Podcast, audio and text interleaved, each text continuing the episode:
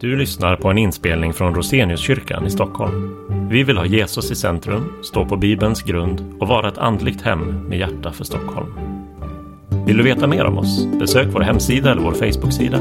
Och välkommen på en gudstjänst.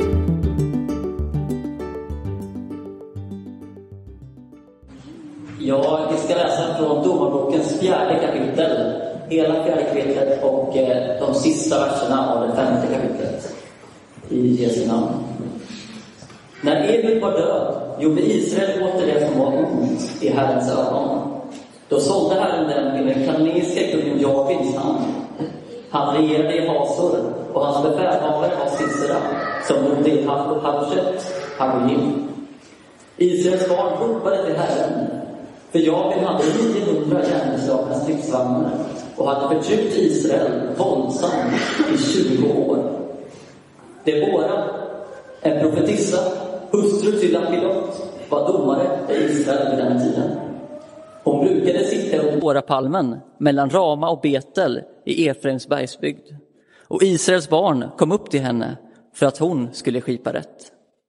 Hon sände bud och kallade till sig Barak, Abinoams son från Kedesh i Naftali och sade till honom Har inte Herren, Israels Gud, befallt? Dra upp på berget Tabor och ta med dig 10 000 man av Naftali och Sebulons stammar.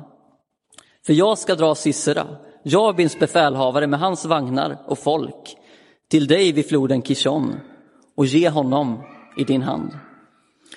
Barak sade till henne, om du går med mig så går jag, men går du inte med mig så går inte heller jag. Då svarade hon, ja, jag ska gå med dig, men då ska äran inte bli din på den väg du går, utan Herren ska sälja Sisera i en kvinnas hand. Så reste sig Debora och gick med Barak till Kedesh. Barak kallade samman Sebulon och Naftali till Kedesh och 10 000 man följde honom dit upp. Debora gick också med honom. Men keniten Heber hade skilt sig från de övriga keniterna, från ättlingarna till Moses svåger Hobab, och han hade sina tältplatser ända vid Terebinten i Sanim vid Kedesh. När man berättade för Sisera att Barak, Abinoams son, hade dragit upp på berget Tabor samlade han alla sina stridsvagnar, 900 järnbeslagna vagnar och dessutom allt folk han hade från Haroshet Hagoyim till floden Kishon. Men Debora sa till Barak, bryt upp, detta är dagen då Herren har gett Sisera i din hand. Se, Herren har dragit ut framför dig. Så gick Barak ner från berget Tabor och 10 000 man följde honom. Och Herren sände förvirring över Sisera och alla hans vagnar och hela hans här, så att de vek tillbaka för Baraks svärd. Sisera steg ner från sin vagn och flydde till fots. Barak förföljde vagnarna och hären ända till Haroshet Hagoyim och hela Siseras här föll för svärd. Inte en enda kom undan. Men Sisera hade flytt till fots till det tält som tillhörde Jael, hustru till keniten Heber, eftersom det rådde vänskap mellan kung Jabin i Hasor och keniten Hebers hus. Jael kom Sisera till mötes och sade till honom, kom in min herre, kom in till mig, var inte rädd. Då gick han in till henne i tältet och hon la ett täcke över honom. Han sa till henne, ge mig lite vatten att dricka, för jag är törstig. Hon öppnade mjölkkärlet och gav honom att dricka och la sen över honom igen. Han sa till henne, ställ dig vid ingången till tältet och om någon kommer och frågar dig om det är någon här, svara nej. Men Jael, Hebers hustru, grep en tältplugg och tog en hammare i handen.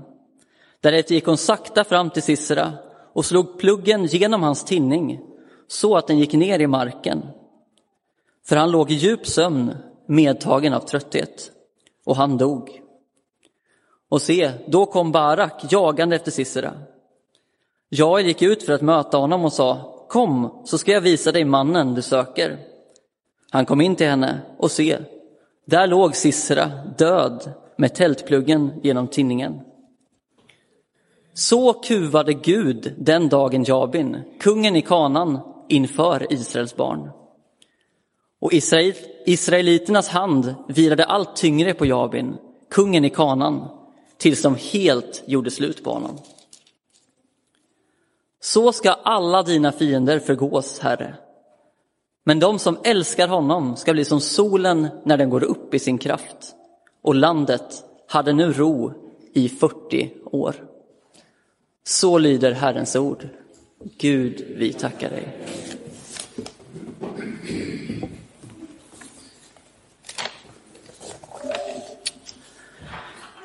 Det är lite storslagen Hollywood-action över de här scenerna som vi ser framför oss.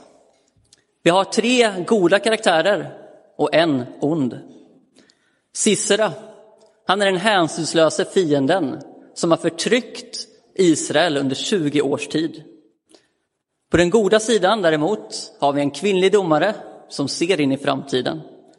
Vi har en mäktig general som tvekar när motståndaren verkar alltför svår.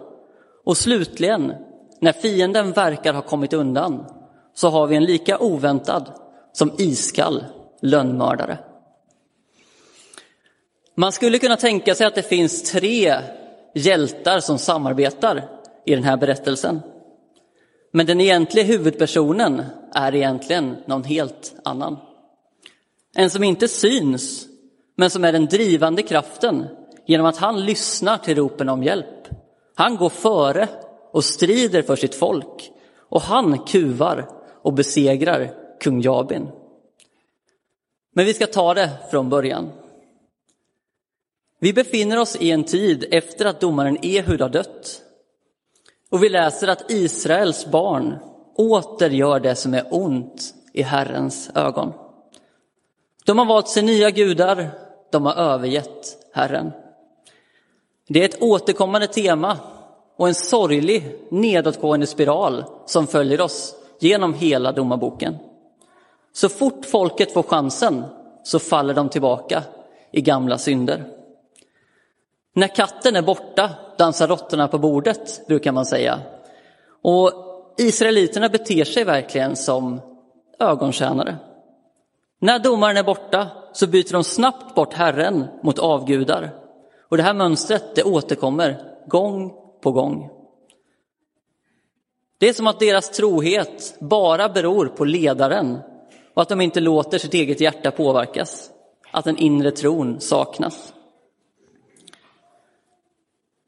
Och deras ständiga förfall säger dels någonting om viljan att gå sin egen väg och inte lyda Gud, men också någonting om syndens karaktär. Att det är ganska svårt att vara kreativ när det handlar om olydnaden mot Gud. Det mesta har gjorts förut. Det är bara att vi gör samma sak igen och igen och igen. Kanske känner du igen dig? Jag gör det definitivt. För synder kan ofta vara lockande, utge sig för att vara något nytt och spännande. Men när man har fallit så inser man ganska snabbt man är tillbaka i samma gamla tråkiga vana som man kanske har lovat sig själv att sluta med så många gånger. Det kan handla om olika former av beroenden, sexuella begär eller andra beteenden eller handlingar som är mot Guds vilja. Synden blir någonting som biter sig fast, någonting som vi själva inte kan bli fria ifrån. Vi behöver inse att vi behöver hjälp och också vi behöver ropa efter den hjälpen. Israels synd gjorde att Herren lät kung Jabin regera i landet. Och under 20 års tid tvingades de leva under ett våldsamt förtryck med förföljelse och med våldtäkter.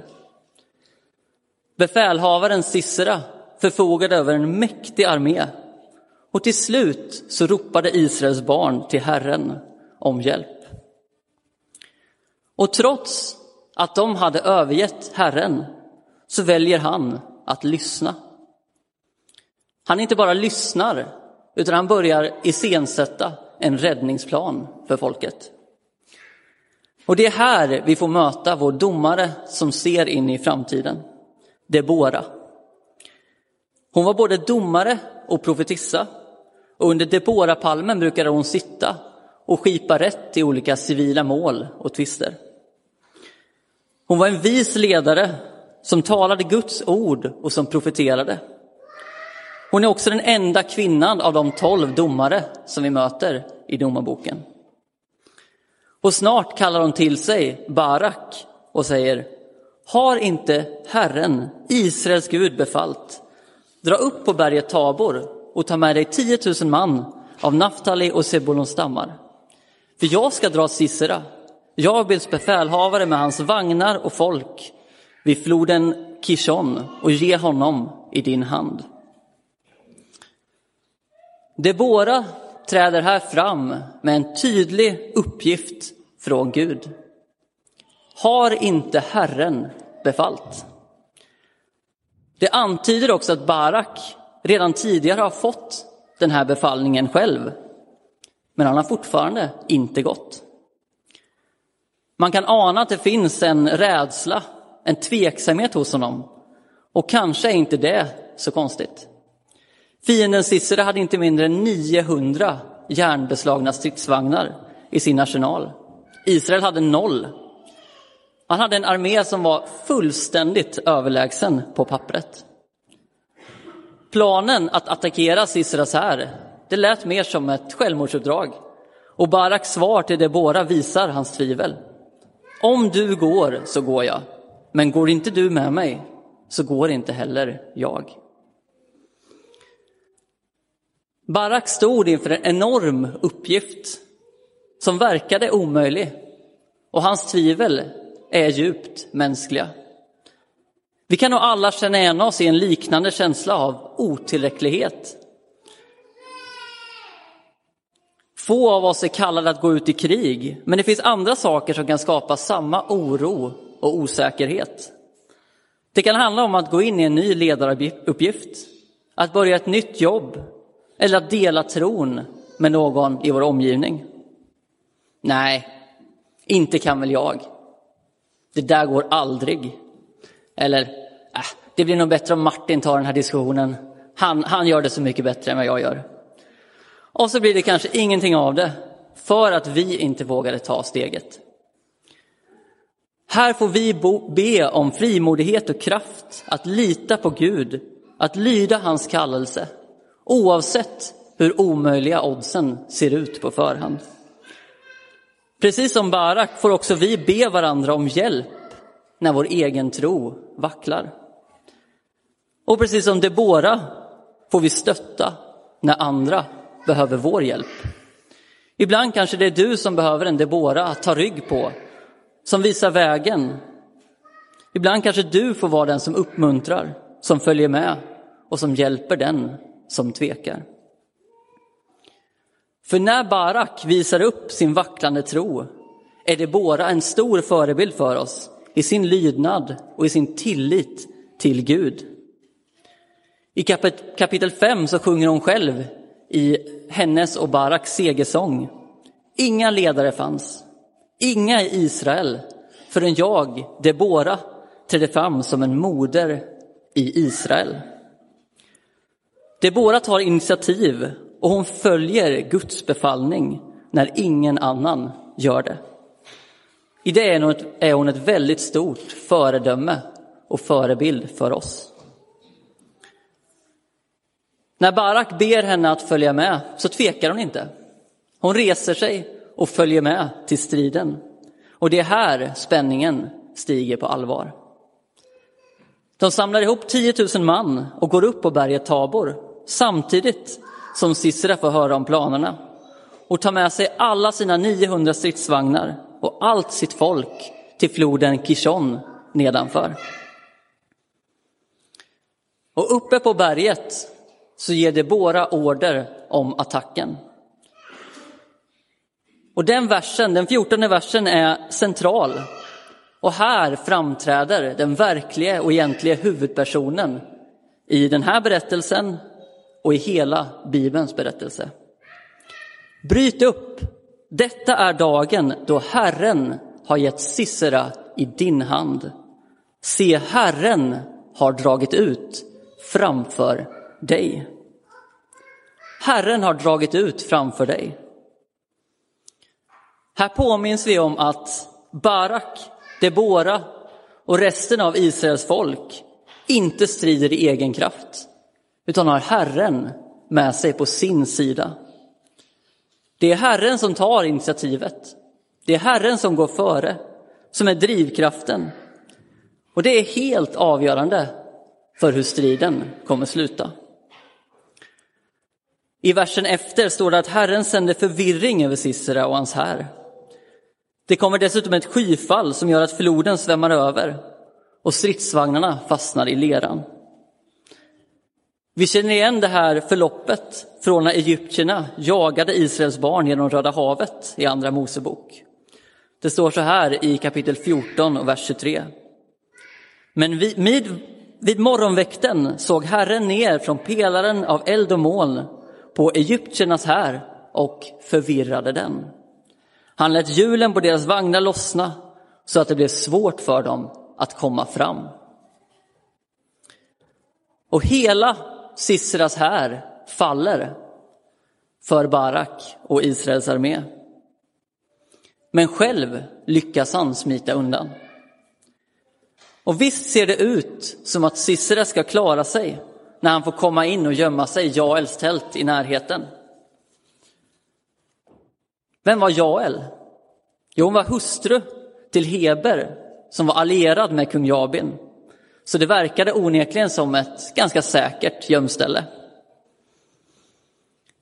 Men hur går det?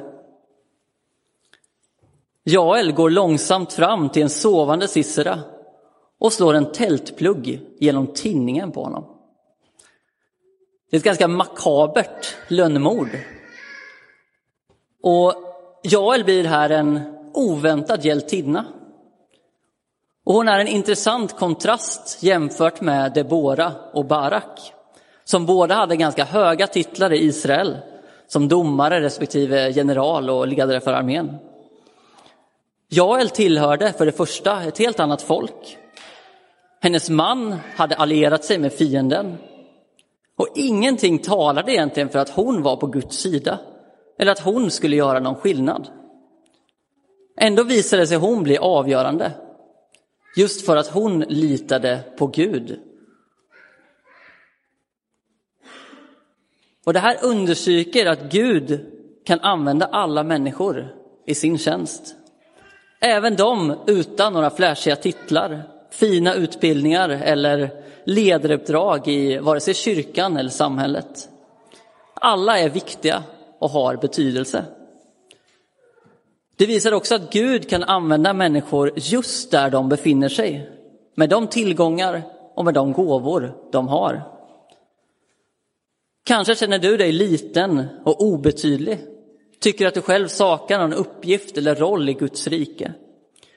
Men se då Jael som ett bevis på att Gud kan använda vem som helst, oavsett bakgrund, oavsett CV. Att slå upp tält var på den här tiden en eh, kvinnas uppgift och uppenbarligen var hon ganska bra på det. Och här uppfylls Deboras profetia från vers 9. Att Herren ska sälja Sisra i en kvinnas hand. Jael blir ett viktigt verktyg för Herren i befrielsen från Jabin, just där hon befann sig. Och hon hyllas i den här segersången i kapitel 5. Välsignad framför andra kvinnor är Jael, Keniten Hebers hustru. Välsignad framför alla kvinnor i tält. Och samtidigt, i den 24 versen så poängteras vem som är källan, vem som är initiativtagaren till den här befrielsen. Så kuvade Gud den dagen Jabin, kungen i kanan, inför Israels barn. Det är Gud som kuvar kung Jabin. Och vi får också lägga märke till det lilla ordet inför. Israels barn är som åskådare när Gud verkar. Även om det är människor i form av Debora, Barak och Jael som får förtroende att utföra hans uppdrag. Det är Gud som är huvudpersonen, Gud som förtjänar äran. Och Debora och Barak sjunger ut sina hyllningar till Gud. Hör ni kungar, lyssna ni furstar. Jag vill sjunga, sjunga till Herren. Jag vill lovsjunga Herren, Israels Gud. Och mot slutet av kapitlet, så ska alla dina fiender förgås, Herre. Men de som älskar honom ska bli som solen när den går upp i sin kraft. Gud griper in och Gud strider för sitt folk. För sitt folk och för oss. Det är ett perspektiv som vi kanske inte är så vana att prata om. Ofta beskrivs Gud som mjuk, mild, kärleksfull och barmhärtig. Det är helt sant. Det är verkligen egenskaper som Gud har. Men Gud är också helig. Gud är också allsmäktig. Han är en stark, rättvis och rättfärdig domare som skipar rätt. Han är också en krigare som kämpar mot det onda. Som kämpar för dig och för mig. Det finns någonting väldigt hoppfullt i det, även om det kan låta, låta skräckinjagande. För Gud har makt och styrka att gripa in, även i de till synes mest hopplösa och omöjliga situationer vi kan stå inför. Inte minst är det en tröst när vi ser oss omkring i vår värld idag med all dess orättvisor, allt krig som kryper närmare. Och vi ser också våldet och den ökande otryggheten i vårt eget land. Gud har makt och Gud har kontroll, även när vi själva kanske varken ser eller upplever det. Och Gud är inte passiv mot ondskan. Han gick så långt att han offrade sin egen son för att det onda inte skulle få sista ordet. Han är en evig Gud som strider och som lider för oss. När Jesus dog på korset så tog han på sig all världens ondska. Och när han tre dagar senare uppstod så besegrade han dödens och ondskans makter. I Jesaja 53 och 5 förklaras det så här. Han blev genomborrad för våra brott, slagen för våra synder. Straffet blev lagt på honom för att vi skulle få frid och genom hans sår är vi helade. Det är inte som att Gud har glömt bort eller ser mellan fingrarna på det onda och trasiga i vårt liv eller i världen. Faktum är att vi är precis lika skyldiga som Sisera i att inte heller vi klarar av att följa Guds bud. Egentligen förtjänar vi samma straff. Men skillnaden är att Jesus har betalat priset för den som tror på honom. Han dog i vårt ställe och genom omvändelse och tro har vi alla del i det arvet. För Guds nåd är större än våra brister och våra misslyckanden. Och vi ser hur nåden överflödar även här. Ni kommer ihåg att Israels barn hade varit förtryckta i 20 år. Men efter Herrens ingripande och befrielse genom Barak, Debora och Jael har de ro i 40 år. Det är dubbelt upp med andra ord. Det handlar inte om att vi får vad vi förtjänar. Då hade det varit ganska kört för oss alla. Istället är det Gud som förbarmar sig över den som vänder sig till honom, som ropar ut sin nåd till honom, ropar ut eh, om nåd till honom. Herren befriade Israels barn ur Jabins hand, men Jesus har gjort något ännu större. Han har befriat och upprättat dig och mig. Han har öppnat vägen till himlen och bjuder in till ett liv i gemenskap med honom.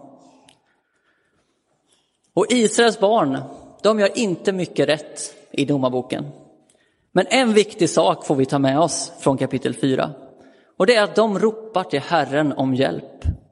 Och det är någonting som vi också får göra och påminna varandra om att göra. För då har han lovat att lyssna och att förbarma sig över oss. I Saltaren 40, verserna 2 och 4 står det så här. Jag väntade ivrigt på Herren och han böjde sig till mig och hörde mitt rop.